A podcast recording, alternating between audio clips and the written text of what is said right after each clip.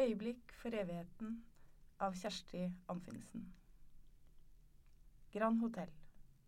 Vi klamrer oss til hver vår stol, slik vi klamrer oss til selve livet. Feilaktig har jeg takket ja til en invitasjon fra Rikshospitalet i Oslo for å motta en utmerkelse. Jeg skylder litt på Javier, som overtalte meg på sitt sjarmerende vis. Han mente jeg fortjente oppmerksomheten. Våre fabuleringer fikk oss til å glemme hvor skrøpelige vi er, så vi reiste slik vi lovet hverandre, og ble deretter overrasket over at alderen har fått slik tak på oss. Nå våger vi ikke å forlate hotellrommet. Kan hende finner vi ikke tilbake. Det er livstruende glatt utenfor. Dessuten er det kaldt. Så vi sitter i hver vår stol med dyne og ser ut av hvert vårt vindu mens vi venter på å bli hentet. Skjønt Javier har sovnet, og jeg ser nærmest ingenting. Arven. Min søster sendte meg de fineste plaggene sine, strøket og brettet ned i en av postens pappesker. Hun brukte det siste året på å rydde, sortere og lagre, men aldri kaste. Elisabeth kastet ingenting. Jeg ser henne for meg der hun romsterer i skap og skuffer, hektisk i bevegelsene, som om hun har det travelt. Fremdeles er hun plagsom. Men det er vel meg det er noe galt med. Jeg mener, hun er død, og jeg er irritert. Øverst i forsendelsen ligger kåpen. Jeg løfter den opp etter kragen og trekker inn lukten av min søster.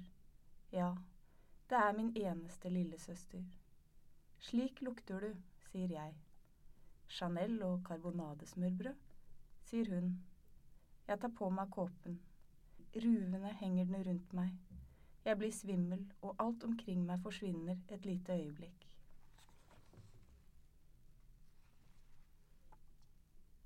Flyt. Jeg har aldri riktig vært i vinden. Da jeg var barn, var ikke barn viktige. Da jeg studerte og arbeidet, var det en klar fordel å være mann. Og nå, når jeg er virkelig gammel, skal man visst være ung i denne verden.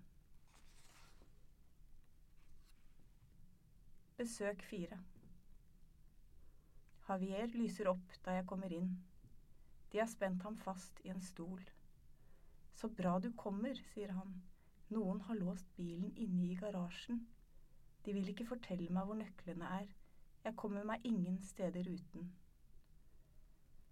Nei, det er sant, sier jeg. Er du tørst? Nei. Jeg setter meg ned på stolen på den andre siden av bordet. Kan jeg ta en kjeks, sier jeg. Hvis du vil, sier han. Jeg savner deg, sier jeg. Han klør seg langsomt på kinnet med de knoklete fingrene. Jeg spiser og forsøker å komme på noe mer å si, men jeg kommer ikke på noe. Tidligere har jeg fortalt om Lucinda eller naboene, eller jeg har spurt om kirken, men de gjør ham forvirret. Har du dårlig syn? sier han. Ja, sier jeg. Han smiler lurt. Jeg tror det er lemenår, sier han. Kan hende er det et slikt lite lemen som har tatt nøklene mine, tenk, alle nøklene.